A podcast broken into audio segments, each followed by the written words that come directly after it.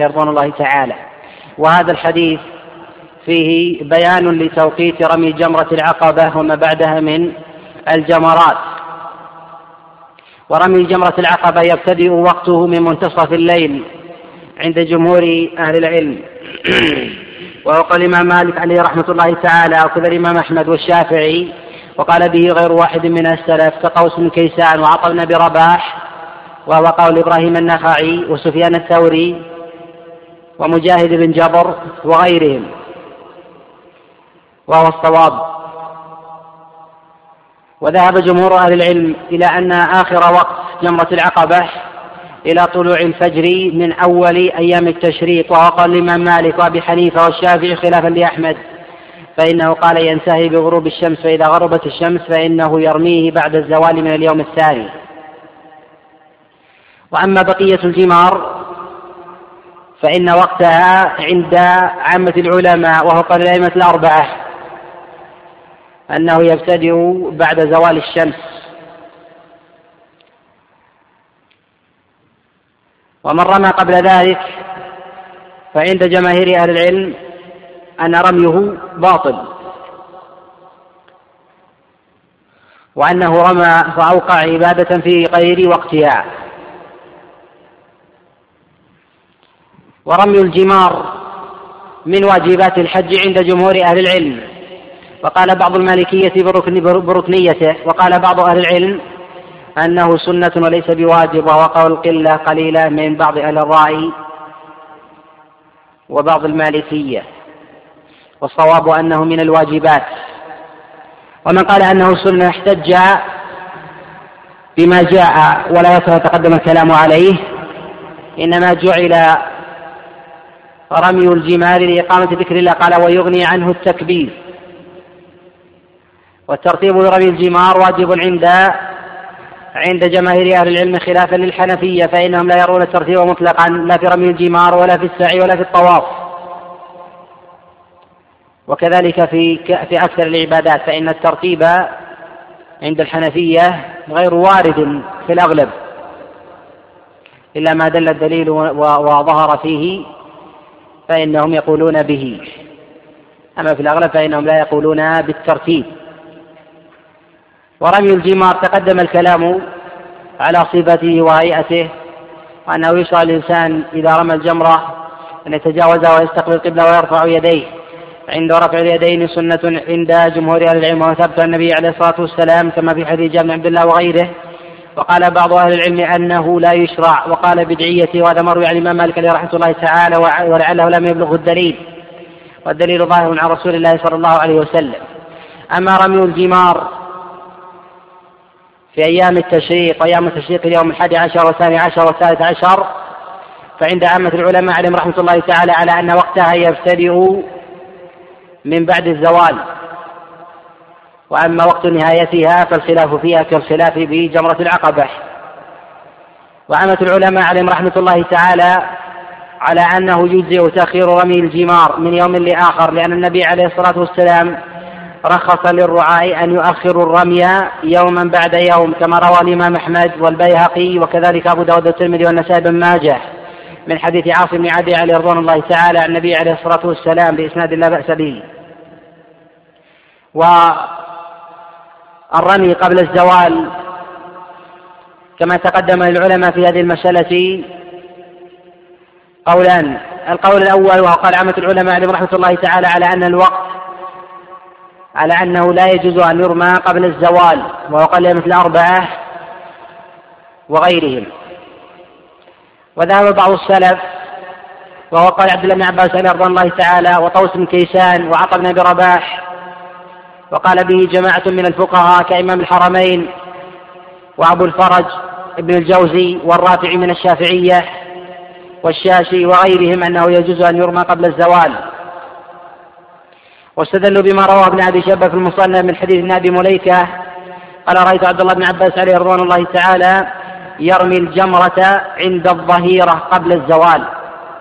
وهذا إسناده صحيح لكنه محتمل أن يكون أراد رمي الجمار عند النفرة في آخر أيام التشريق لمن أراد أن يتعجل فلا حرج عليه أن يرمي قبل الزوال عند الإمام أحمد عليه رحمة الله تعالى وقال أبي حنيفة وخالف صاحب أبي حنيفة الإمام أبي حنيفة عليه رحمة الله تعالى في هذا القول. فالمشهور عن أبي حنيفة عليه رحمة الله تعالى وعن الإمام أحمد أنه يجوز الرمي قبل الزوال في يوم النفر سواء من تعجل أو من تأخر.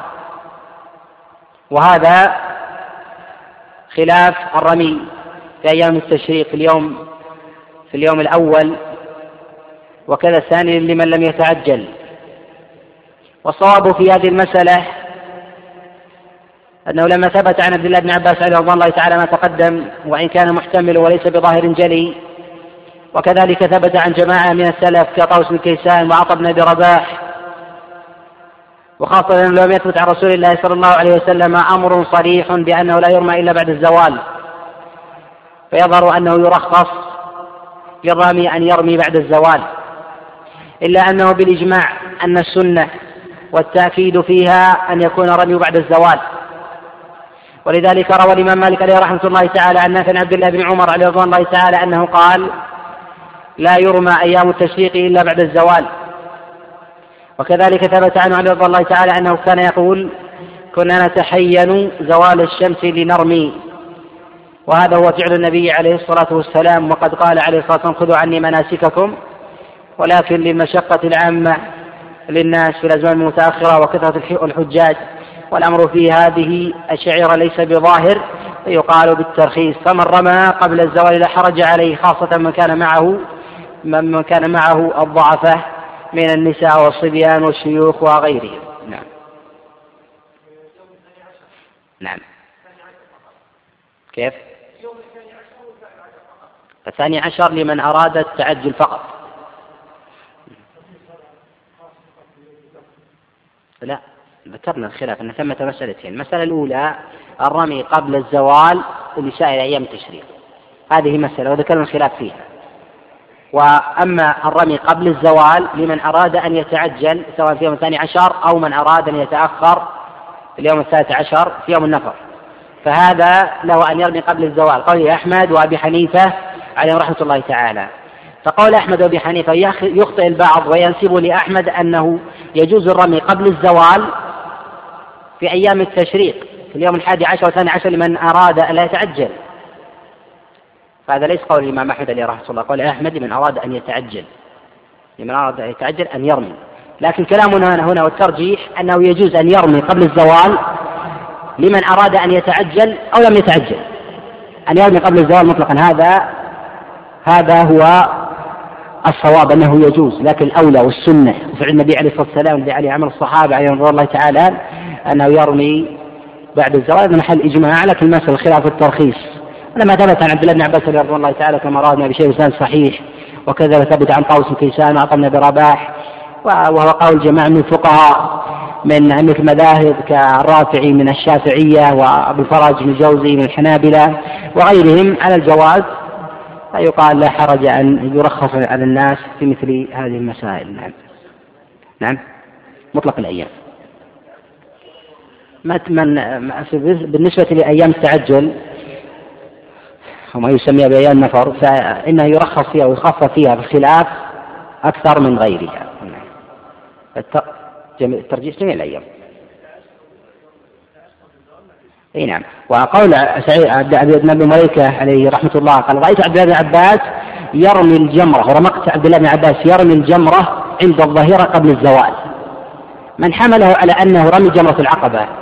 هذا فيه نظر فإن رمي جمرة العقبة هذا وقتها. لا يحتاج أن يخبر بهذه الفائدة أو يحدث بها لأنه وقتها هذا محل اتفاق وهو فعل النبي عليه الصلاة والسلام وعامة من حج من حج معه. يقال أنه لا حرج على الإنسان. وقد روي عن عبد الله بن عباس كما روى البيهقي قال إذا انتفخ النهار من أيام التشريق فرموا. وهذا في إسناده ضعف لكن يروي عنه ما روي عن عبد الله بن عباس وعطاء وطاووس غيرهم نعم.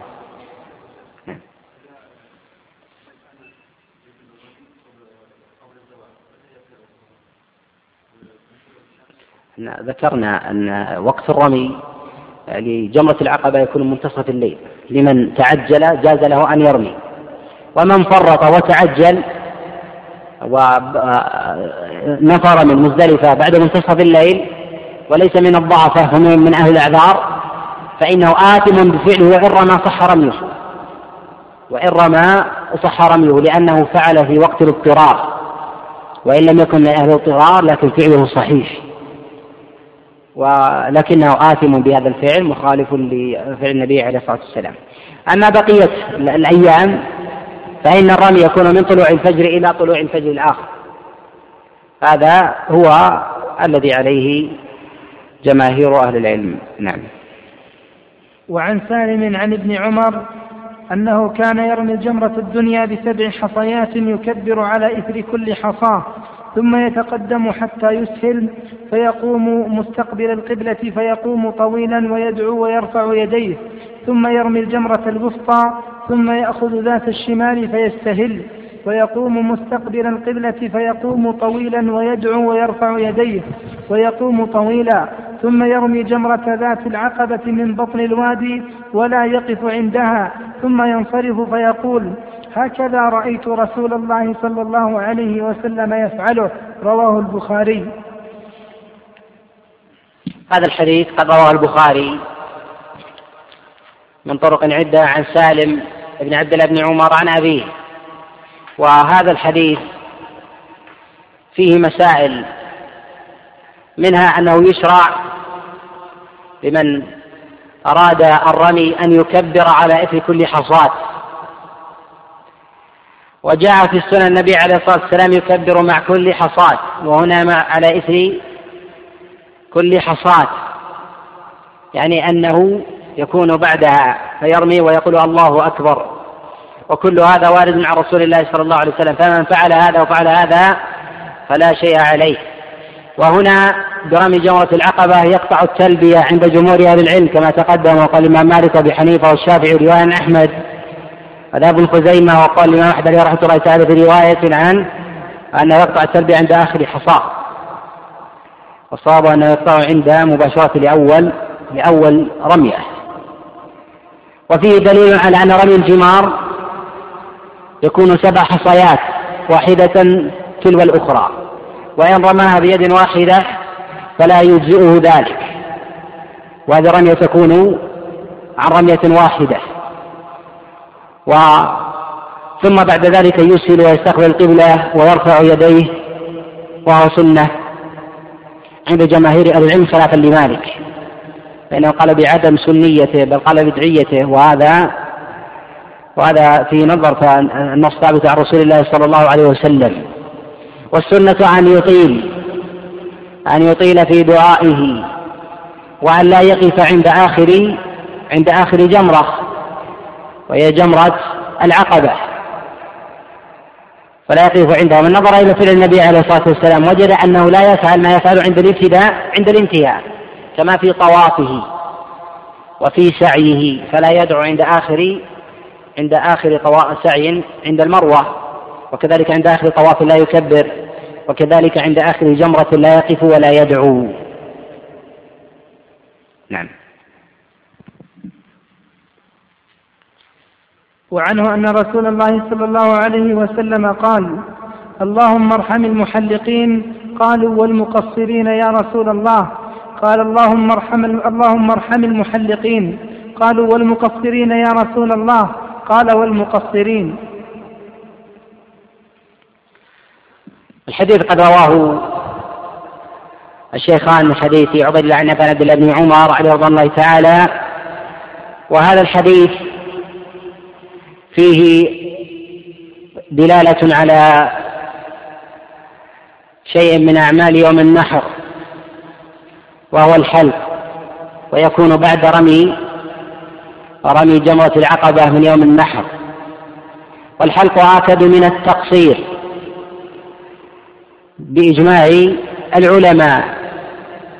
ولذلك قدمه الله سبحانه وتعالى في كتابه العظيم فقال محلقين رؤوسكم ومقصرين. ودعا النبي عليه الصلاة والسلام كما هنا للمحلقين ثلاثا وللمقصرين مرة. وهذا عند عامة العلماء عليهم رحمة الله تعالى.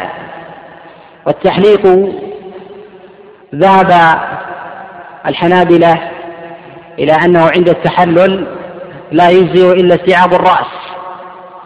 وأما عند محظورات الإحرام فإنه يكون بأخذ ثلاث شعرات وهذا فيه ما فيه من مخالفة الدليل الظاهرة والتجاوز عن النص فإن الله عز وجل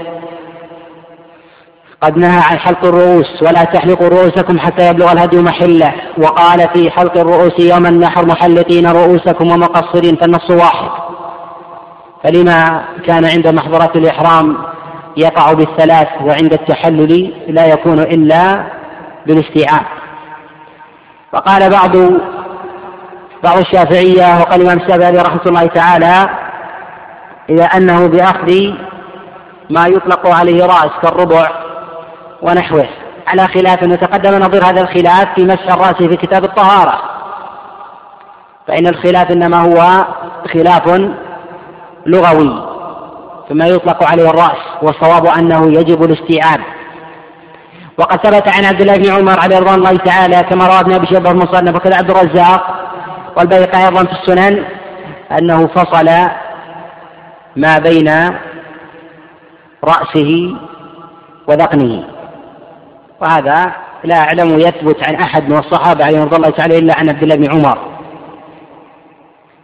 ولكن يقال أن السنة الحلق مطلقا.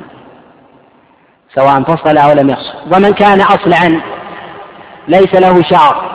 فقد روى ابن خزيمة في صحيحه من حديث نافع عن عبد الله بن عمر رضي الله تعالى أنه سئل عن الأصلع قال يمر الموسى على رأسه. وحكى اجماع العلماء عليه رحمة الله تعالى المنذر على ذلك. وأغرب في هذا ابن حزم الأندلسي فقال يجب على الأصلع أن يمر الموسى على رأسه ولا دليل على هذا. فالوجوب فيه نظر بل لو قيل أن الاستحباب فيه نظر أيضا وذلك أن النبي عليه الصلاة والسلام إنما أمر بالحلق والحلق متعلق بالشعر لا متعلق بالرأس. فالموسى حينما يأمر الشارع به هل يمر على ذات الشعر فيحلق أم على على بشرة الرأس. فلا فلا يقول أحد من أهل العلم فلا فلم يقل أحد من أهل العلم من العلماء عليه رحمة الله تعالى على أنه يجزئ أن يمر الموسى على رأسه إن كان له شعر بل يرون وجوب إزالة الشعر. إذا فالأمر متعلق بإزالة الشعر لا بالإمرار. يقال أن القلب السنية أصلا فيه نظر. ولولا هيبة الإجماع الذي نقله المنذر لقيل لقيل بعدم سنية ذلك. وأن الإنسان إذا كان أصلا فإنه معذور. معذور بعدم إمرار الموسى على رأسه. وهذا ثابت عن عبد الله بن عمر رضي الله تعالى إلى أنه جاء مرفوعا عن النبي عليه الصلاة والسلام.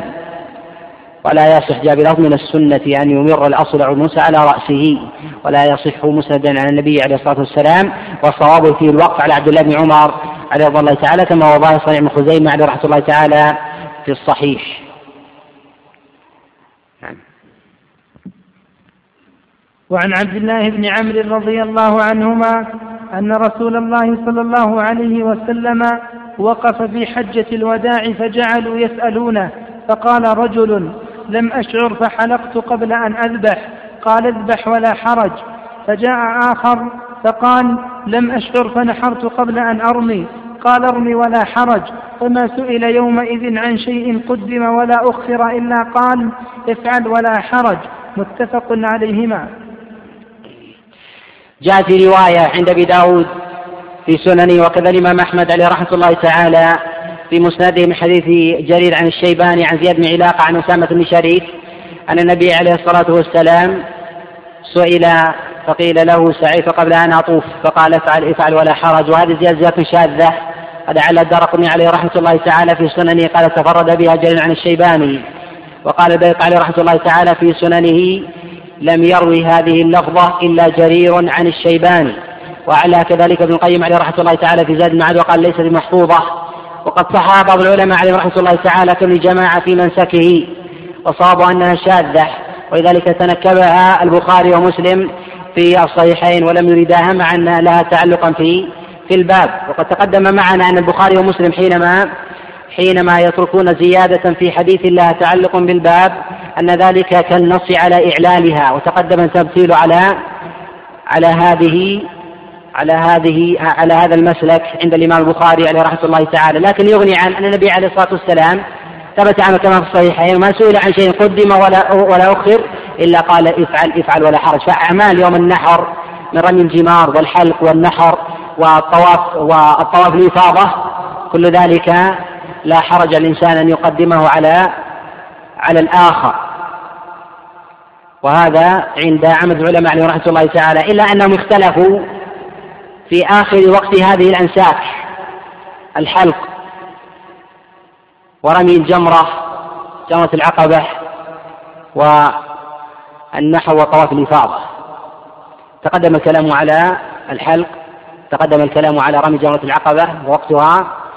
وطواف الإفاضة. ذهب عامة العلماء عليهم رحمة الله تعالى وقال من الأربعة بل حكى ابن المنذر الإجماع على أنه لا حد لآخره ومن فعله في أي يوم من السنة طواف الإفاضة وإن تأخر أشهرا أن حجه صحيح. لكنهم اختلفوا في وجوب الدم. هل يلزمه دم أم لا؟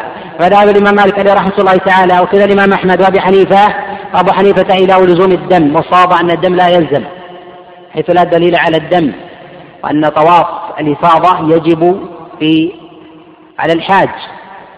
وأن صحة حجه رهينة بأداء بأداء طواف الإفاضة. وإلزام الدم قدر زائد عن النص. ولا نص في هذا فيقال على الإطلاق الأولى أن يأتي به في يوم النحر. أن يأتي بأعمال يوم النحر في هذا اليوم. وألا يزيد وألا يزيد عليه وإن زاد فإنه لا حرج عليه. أما الحلق فذهب جمهور أهل العلم إلى أن آخر وقت للحلق هو أيام التشريق وغروب الشمس من يوم الثالث عشر ينتهي. ومنهم من أوجب الدم ومنهم من لم يوجب والصواب أنه لا يجب عليه الدم أيضا وإنما هو من النسك يجب عليه أن يأتي به. وبرمي جم لجمرة العقبة يتحلل تحلل تحلل الأول. وبطواف الإفاضة يتحلل تحلله الكامل. التحلل الأول يحل له كل شيء قد حرغ للدعاء وذكر الله عز وجل. ولذلك النبي عليه الصلاة والسلام الوحي لا زال ينزل عليه ولم ينتشر في الناس. وهذا الجمع الغفير الذين قدموا من فجاج الأرض من البوادي والقرى ومن المدينة ومن فجاج مكة لم يقل النبي عليه الصلاة والسلام أنه يستغل هذا الجمع للإكثار من الوعظ والإكثار من التذكير ونحو ذلك. ولذلك السنة في هذه الأيام الانشغال بالدعاء والعجب أن ينشغل بعض من ينتسب العلم من الوعاظ وغيرهم في يوم عرفة فيشغل أنفسهم والناس بالوعظ بعد كل صلاة. وأذكر أنه في سنة من السنوات حججت في حملة مع الحملات فكان الوعاظ بعد كل صلاة يقومون من نصف ساعة ويزيد في يوم عرفة في جميع الأوقات بل وفي مزدلفة فضلا عن أيام منى وهذا وإن كان خيرا بذاته إلا أن مثل هذا اليوم ينبغي أن يؤمر الناس به بالدعاء. ولذلك يقول النبي عليه الصلاة والسلام كما رواه الإمام أحمد وأهل السنن من حديث عون شعيب عن أبي عن جده أفضل الدعاء دعاء عرفة. وأفضل ما قلت أنا والنبيين من قبلي. لا إله إلا الله وحده لا شريك له له الملك والحمد على كل شيء قدير. وهذا الحديث وإن كان في إسناده ضعف. رواه الإمام مالك رحمة الله تعالى مرسلا وهو الصواب. إلا أنه معناه صحيح. فيوم عرفة يوم جليل القدر. يغفر الله عز وجل ويعتق به الناس من النار. فينبغي الاشتغال بالدعاء. ولذلك النبي عليه الصلاة والسلام كما تقدم عن حديث جابر وقف عليه الصلاة والسلام من أول دخول عرفة إلى غروب الشمس وواقف مستقبل القبلة يرفع يديه ويدعو الله عز وجل ويستغيث به عليه الصلاة والسلام. وإنما خطب الناس خطبة واحدة. فيجب أن يكون النبي عليه الصلاة والسلام هو القدوة لأن هذا اليوم الدعاء آكد من التذكير والتعليم. لأن الله عز وجل يتجلى للناس في هذا اليوم فيكون له عتقاء من النار ويغفر من شاء برحمته ويغفر لمن لم يشاء بعدله سبحانه. وأكثر من قال من العلماء عليه رحمة الله تعالى النبي عليه الصلاة والسلام خطب الناس في حجته كلها أربع مرات. والناس في هذه الأيام في اليوم الواحد من أربع إلى خمس مرات. هذا عمل خير وجليل وفضل. لكن في هذه الأيام ينبغي أن يشغل الناس بالدعاء والعبادة والتهليل والتكبير وأن يقتدوا برسول الله صلى الله عليه وسلم. نعم.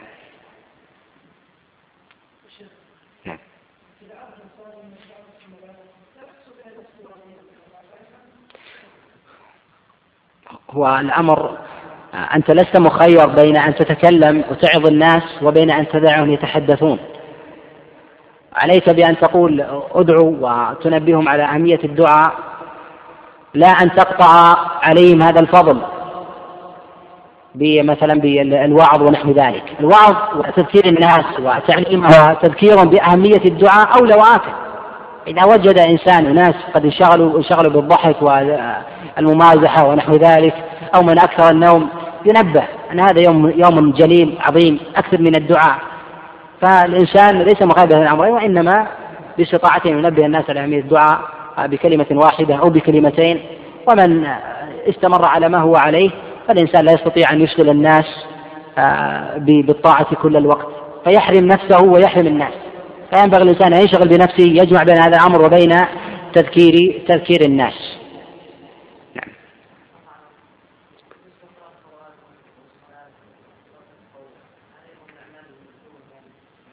آكد الأعمال الدعاء. آكد الأعمال الدعاء يوم عرفة خاصة. وأما قراءة القرآن آه، فهي من أعمال البر وكلام الله عز وجل أفضل من كلام غيره. وكلام الله عز وجل خير من الكلام عامة. وأما من أراد أن يتعبد بقراءة القرآن في بعض بعض الأعمال فيقال أنه لا بد للإنسان أن يقتدي بالنبي عليه الصلاة والسلام. فجنس كلام الله عز وجل خير من الدعاء لكن الدعاء يوم عرفة أفضل عند الله عز وجل من قراءة القرآن. ولذلك قال الإمام مالك عليه رحمة الله تعالى أن قراءة القرآن بالطواف من البدع وهو فضل. وما يحصل الإنسان من أجر عظيم لما؟ لأن الطواف ذكر الله عز وجل وموطن من مواطن الدعاء. لا ينبغي الإنسان أن يقتدي بالنبي عليه الصلاة والسلام. نعم.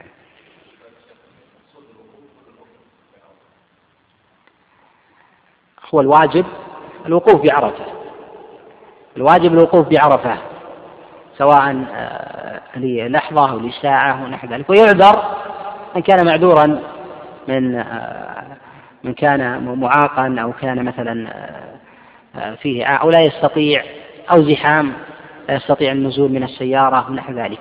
لذلك النبي عليه الصلاة والسلام بقي واقفا إلى أن غربت الشمس وغاب وغاب قرصها فنفر النبي عليه الصلاة والسلام.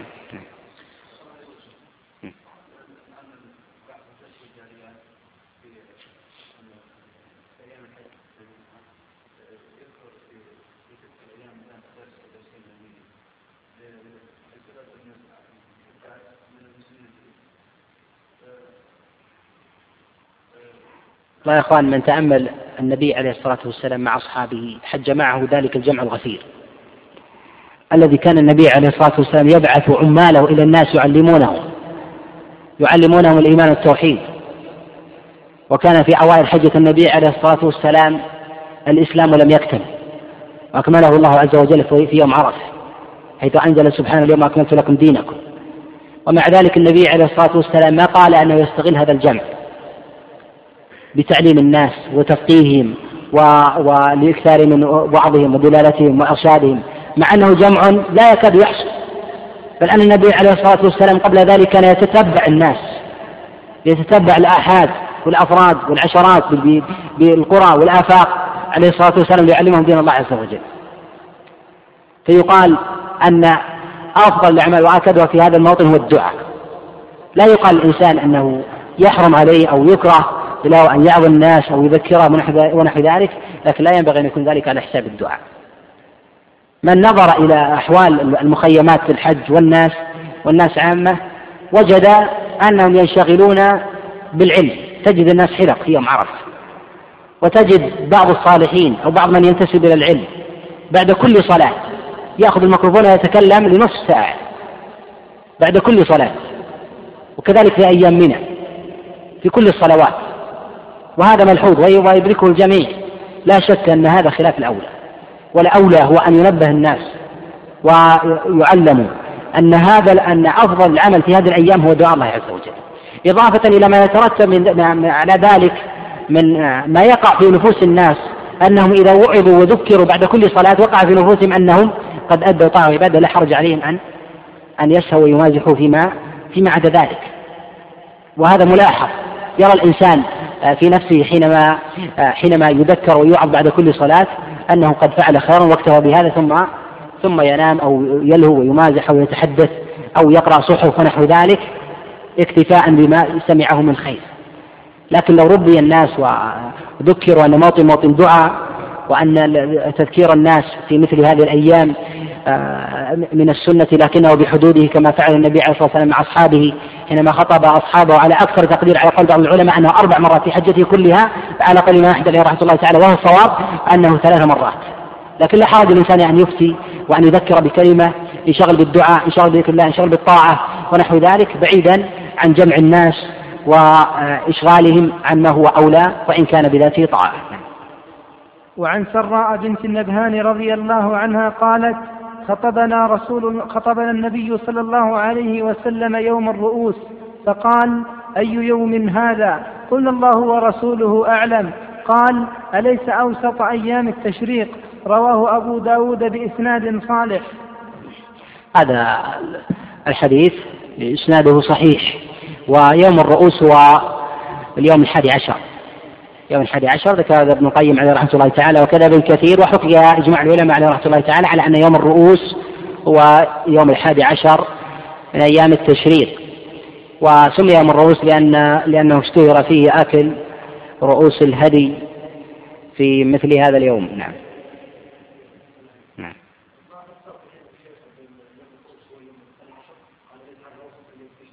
كيف؟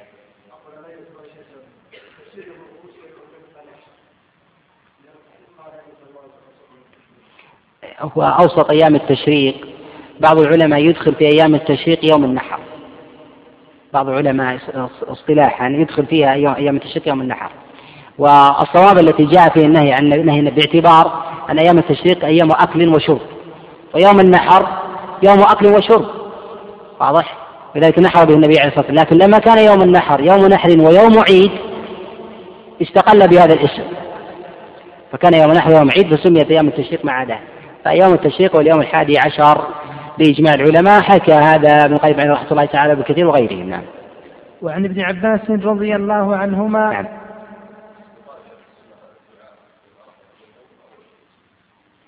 السنة الوقوف. أن يكون قائما ويستقبل القبلة. هذا هو السنة. نعم. بعضهم يصلي الصلاة ثم يقوم يقنط. هذا فعل طاعة لكنه خلاف. خلاف فعل النبي عليه الصلاة والسلام. فالأولى أن يقوم ويدعو بلا صلاة. نعم. وعن ابن عباس رضي الله عنهما أن النبي صلى الله عليه وسلم لم يرمل من السبع الذي أفاض فيه. رواه أبو داود والنسائي وابن ماجه والحاكم وصححه وقد أعل بالإرسال. تقدم الكلام على مسائل الرمل في طواف القدوم وقد أجمع العلماء عليه رحمة الله تعالى على أن المرأة لا رمل لا رمل عليها. وجمهور العلماء عليهم رحمة الله تعالى على الرمل سنة وقال الإمام أحمد رحمة الله تعالى وأبي حنيفة والشافعي خلاف لمالك فإنه قال بعدم سنية وقال البدعة ولعل الدليل لم يبلغه. ولذلك خالفه جماهير أصحابه وقال بالسنية وظهور الدليل عن النبي عليه الصلاة والسلام. والرمل لا يكون إلا بطواف القدوم. أما طواف الإفاضة وطواف الوداع فلا يشرع فيه رمل ولا اطباع ومن قال بالمالكي من الشافعية أنه يشرع الاطباع في الطواف والسائر هذا خلاف الدليل. لم يطبع النبي عليه الصلاة والسلام ولم يرمل إلا في طواف القدوم. وقد سعى النبي عليه الصلاة والسلام بين العالمين لما صبت قدمه في بطن الوادي في المسعى. ما عدا ذلك ف ينتهي النبي ما جاء النبي عليه الصلاة والسلام. وقال بعض الفقهاء الشافعية إطلاق الرمل في كل طواف والطباع في كل طواف من السعي خلاف السنة. نعم. نعم. نعم. هذا جاء في حديث تقدم الكلام عليه من السنة. والسنة يقول ركن ربنا اتنا في الدنيا حسنة والآخرة حسنة وهذا هو الثابت. ولم يثبت عن النبي عليه الصلاة والسلام دعاء في الطواف إلا هذا بين الركنين ويدعو ما شاء. ولا ينشغل بقراءة القرآن والذكر والدعاء فلا حرج عليه وأولى أن ينشغل بالدعاء. وإذا كان بين الركنين شد. نعم. لا صواب مسند. نعم وعن أنس بن مالك رضي الله عنه أن النبي صلى الله عليه وسلم صلى الظهر والعصر والمغرب والعشاء ثم رقد رقدة بالمحصب.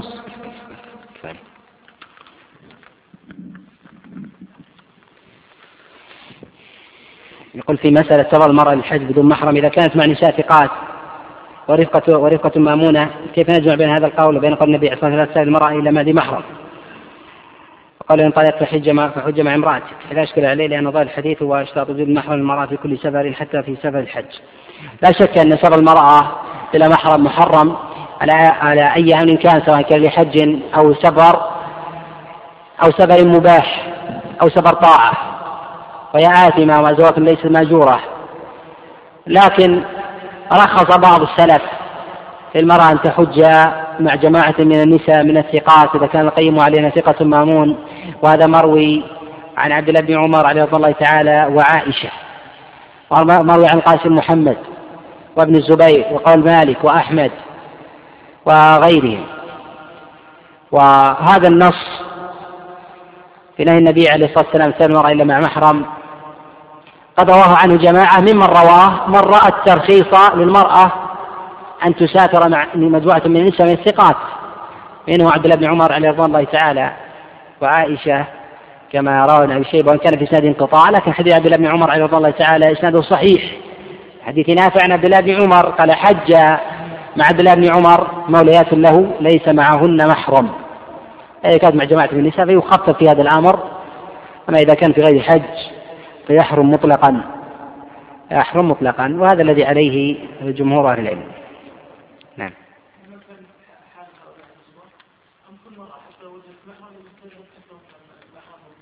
لا لا إذا كان ليس لها محرم.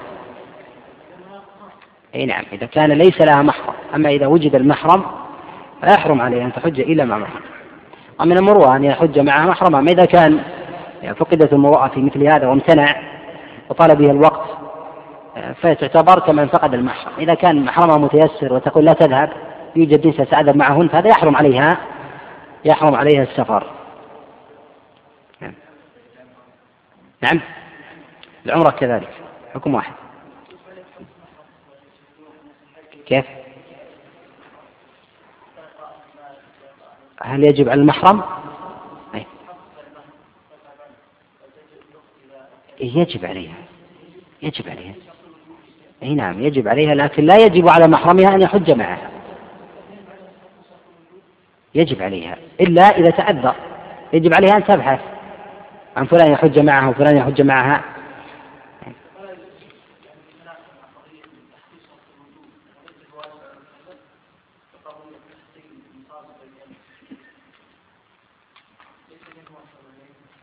لا ليس منه. لكن إذا اشترطنا أنت النبي عليه الصلاة والسلام يقول لا تسافر المرأة إلا مع محرم وأنت توجب عليها الحج وتحرم عليها السفر بلا محرم.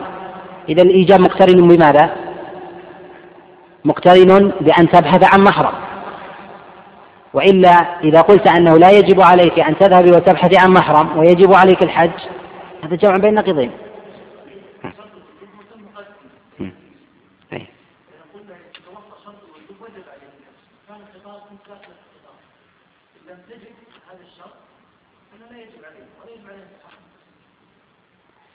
والتحصيل هي هي هي لا تملك التحصيل لكن يجب عليها أن تبحث عن محرمها عن أخيها ابن أخيها عن عمها أن يحج معها ولا يجب عليهم أن يحجوا هم فإن حجوا فلهم الأجر وإن لم يحجوا فلا شيء عليهم.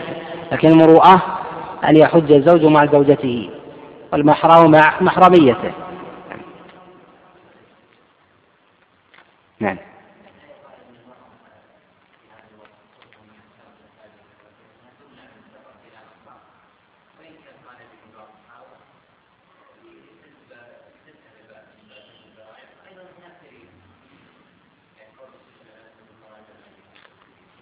هو هو إغلاق الباب أمر وارد. ومن قال به فلا فلا شك أنه قول ظاهر لأنه يعترض بنص صريح النبي عليه الصلاة والسلام. لكن يقال لما ثبت عن الصحابة الترخيص في مسألة بعينها كالحج فيرخص فيه. لأنه فعله من عين النص بل من روى تحريم سفر المرأة بلا محرم. في الحج في الحج خاصة. أما إذا كان آه، سفر نزهة أو صلة رحم ونحو ذلك فيقال بالمنع حتى وإن كانت مع مجموعة من النساء أو كان القيم آه، ثقة. يقول حصل في الحج الماضي يقول أن والله مشكلة يبغى لي ساعة أقرأ في الخط مو واضح.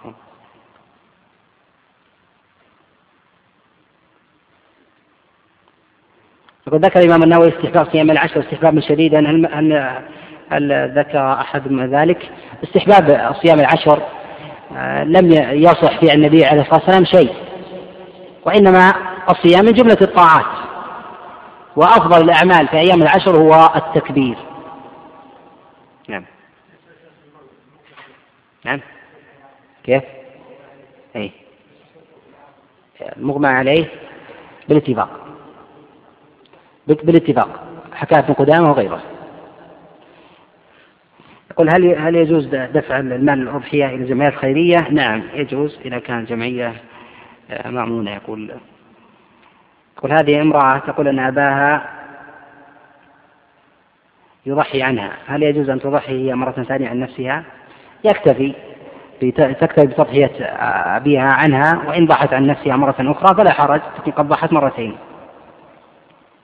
ومن أراد الحج مفرد مفردا هل تشرع له الأضحية؟ الأضحية آه قد اختلف العلماء عليه رحمة الله تعالى في مشروعية الحج مطلقا سواء كان مفردا أم غيره. آه ذهب جمهور العلماء عليهم رحمة الله إلى إلى مشروعية ذلك وقال الإمام أحمد وأبي حنيفة والشافعي وذهب الإمام مالك لعدم المشروعية. واستدلوا بما روى البخاري في حديث عائشة النبي عليه الصلاة والسلام ضحى النساء بالبقر وصار المراد بالأضحية هنا هو الهدي. النبي والسلام النساء لذلك النساء قد حجزنا معه. كعائشة وأم سلمة وسودة بن زمعة وغيرهم من أزواج النبي عليه الصلاة والسلام. أما الهدي فيشرع لكل أحد ويجب للمفرد والقارن. ويجب القارن والمتمتع. والمفرد له سنة أن يهدي. وكذلك المعتمر حينما يعتمر في أي وقت من أيام السنة يشرع له أن يهدي وهذا من السنن المهجورة. نعم.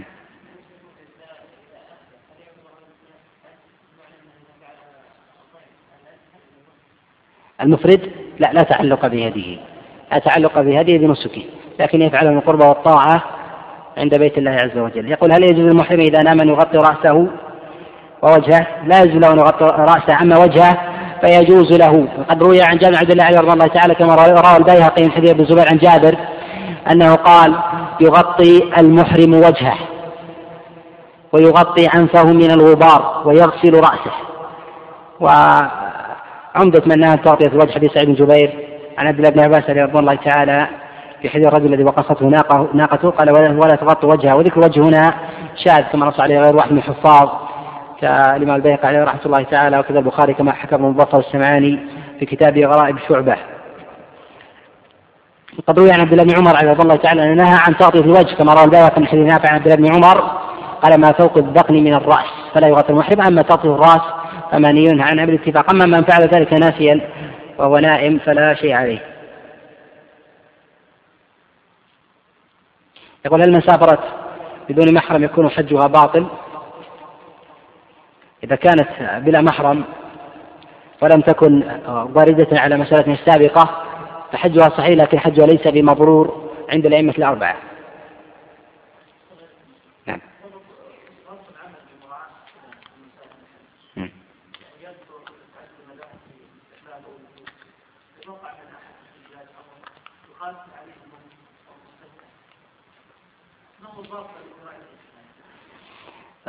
لعل من من ادق الضوابط في مسائل الخلاف في مسائل الحج. هو اذا وقعت الحادثة وانتهى وشق الإنسان أن يستدرك. يعني مثلا لو أن شخص جاء وقال أنا رميت خمس حصيات. أخذت بيدي حصيات وظننت أنها قد اكملنا النصاب أعطاني إياهن شخص ظننت أنها سبعة. فلما وصلنا قال أنا أعطيتك خمسة. هل زدت عليهن؟ قال قال قلت لا.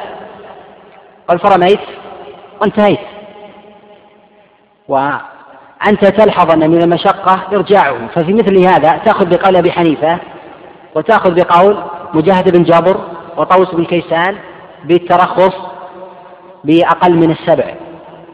بل قال أبو حنيفة عليه رحمة الله تعالى وقول جماعة كإسحاق بن راهوي وغيره وغير أنه يجوز للإنسان أن يرمي أربعا لكنه خلاف الأولى. منهم من قال أنه بكل حصاة يدفع صاعا للفقراء لكن هذا فيه نظر. لكن إذا سأل الإنسان قبل ذلك هل يجوز لي أن أرمي أن أرمي خمس حصيات؟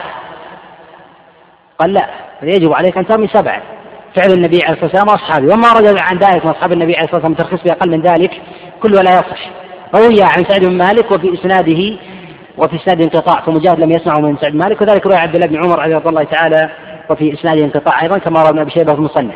لكن إذا وقعت المسألة وانتهت فيخفف فيخفف في هذا. كذلك آه، المسائل التي فيها يعني شدة على الناس خاصة وإن كان الإنسان وإن كان الإنسان لم يفعلها كمسألة تصويب الجمرة رمي الجمار يعني الإصابة إصابة الشاخص.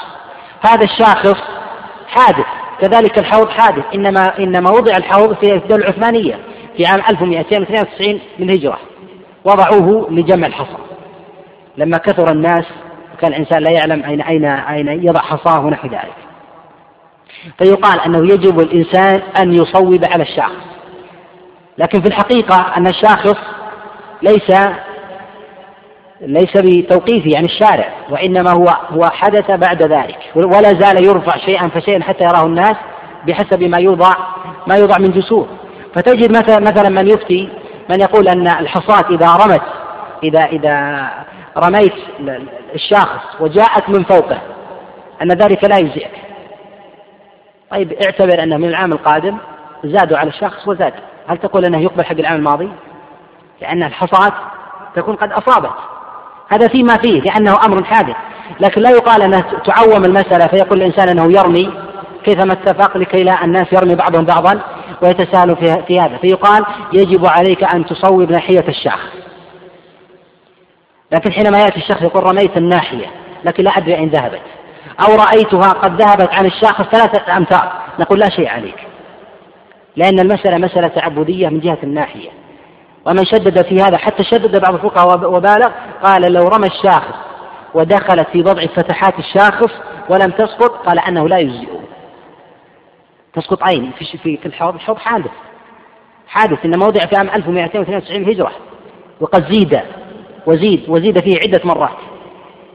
فهل يقال بأن الشخص الذي آه، رمى في الحوض ثم وقع عنه في بعد متر وأصاب الشاخص أنه بعد ذلك إذا اتسع الحوض أنه يتقبل منه ما فعله في السابق وما فعل مثله من الناس بعد ذلك أنه يتقبل منه ولا يتقبل من الذي فعل هذا لا يكون في الشرع مطلقا.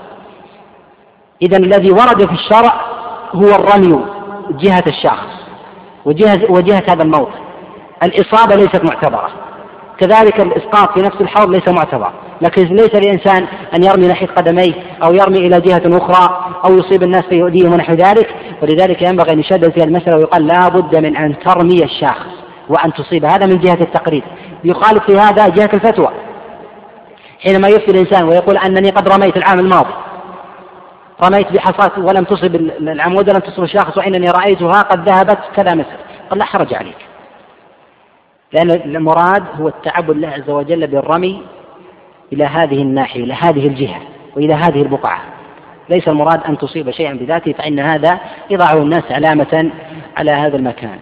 فأكبر مناط وأظهره في في مراعاة الخلاف هو إذا حدثت حدثت الواقعة وانتهت. أما إذا لم تقع فيجب التأكيد عليها. فيجب التأكيد أنه لا بد أن يفعل أن يفعل هذا الشيء. بل أنه لا حرج الإنسان لو أن إنسانا قال أنا طفت ستة أشواط عند البيت العام الماضي. وأنني لم أتذكر إلا الآن وأن قطعتني صلاة بعد السادس وقلت أصلي ثم أكمل السابع. ونسيت وظننت أنني قد صليت السابع ثم تذكرت يقيني السابق أنني إنما إنما إنما طفت ستا. فيقال أنه لا حرج عليك. لقول جماعة من العلماء وقول كبار من السلف كطاووس وعطاء وابن جريج وغيرهم. بل هو قول إسحاق بن راهوي عليه رحمة الله فيخفف خطف في هذا يقال لا حرج عليك. لكن لو كنت في الحرم والرجل قد سألك تقول متى؟ يقول اليوم. تقول يجب عليك أن تأتي وتكمل السابع. نعم.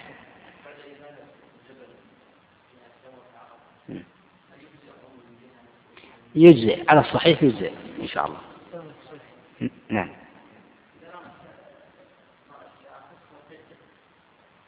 إيه.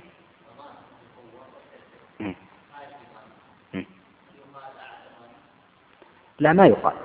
حينما حينما تقع منه وينتهي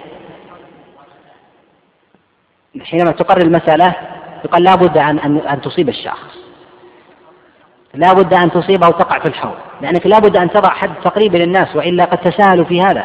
فكل رمى كيفما اتفق فأصاب بعضهم بعضا وآذى بعضهم بعضا. بل منهم من يتساهل إذا قرب من العمود فيرى فيعلم أن أن الوجوب هو الرمي الناحية فيرمي هكذا ثم يمشي قبل الزحام. ويقول أنه يتعبد بهذا الشيء يقال هذا فيه تمييع للشريعة وتمييع للشعائر التي أمر الله عز وجل بإقامتها ومنها رمي الجمار فيقال لا بد من الرمي تجاه تجاه الشاخص. والرمي من جهته والحرص على إصابته أو الرمي في الحوض. أما إذا حدث من الإنسان وحتى لو كان السائل عند الجمار ورمى وانتهى يقال لا حرج عليك. نعم. التوكل على النساء في خوف الزحام في الرمي. ما حكمه نعم. التوكل على النساء نعم. خوف الزحام. عند الرمي؟ لا بأس به بالتوكيل على النساء توكل على النساء في رمي الجمار. قد روى أبو داود وغيره كذا الإمام أحمد من حديث أشعب بن سوار عن زبير بن جابر عبد الله قال حجينا مع رسول الله صلى الله عليه وسلم ومع النساء والصبيان فلبينا ورمينا عنهم. هذا في إسناده ضعف. آه لكن قد مال إلى تحسين جماعة أشعب بن سوار قد ضعفه غير واحد من الأئمة لكن يقال أن التوكيل التوكيل لا حرج لا حرج فيه. نعم.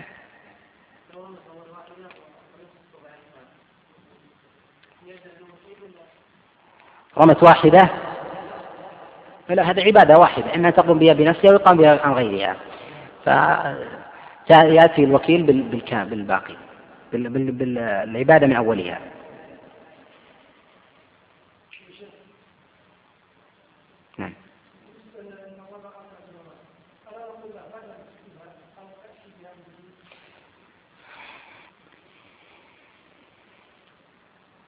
إذا رمى أربع حصيات الجمرة الواحدة وقال أنا فعلتها بالأمس. فمن قال بإعادة الجمرة بعد الزوال فقول وجيه له وجهه. لكن إذا انتهت الأيام فيعفى عن ذلك. ومن قال بالإعادة باعتبار بقي الوقت باقي فهو قول وجه قوي. ومن تسامى عن ذلك باعتبار قرينة الحال أنه صعب عليه أو المرأة تقول أنني لم أصل الجمرات إلا بعد تعب ونحو ذلك فرميت بأربع. ولم أستطع أرمي الباقي ومن الصعب أن تأمرها أن تأمرها بالإعادة. فمن أمر بالإعادة باعتبار بقاء الوقت فهو قول له وجه ومن لم يأمر فكذلك له وجهه باعتبار باعتبار الضعف والمشقة. نعم.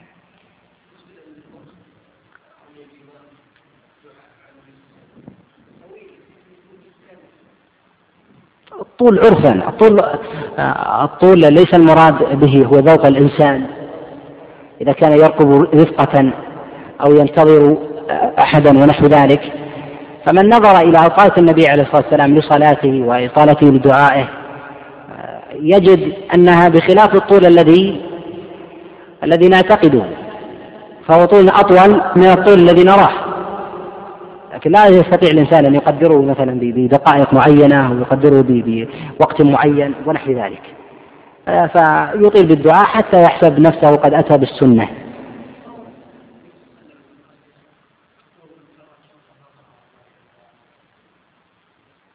وين؟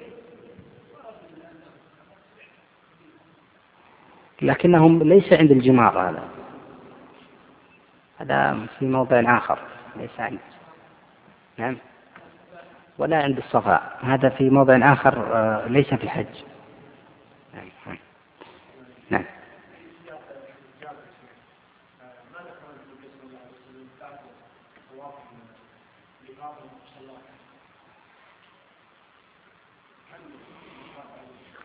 لا حل النبي عليه الصلاة والسلام ركعتين لكنه آه، لم يذكر في حديث جابر لا عبد الله بن عباس وجاء مرفوع النبي عليه الصلاه والسلام وصواب الوقف لكل سبع ركعتين سواء كان تطوع أو إفاضة أو قدوم أو وداع. صلى الله عليه وسلم وبارك عليه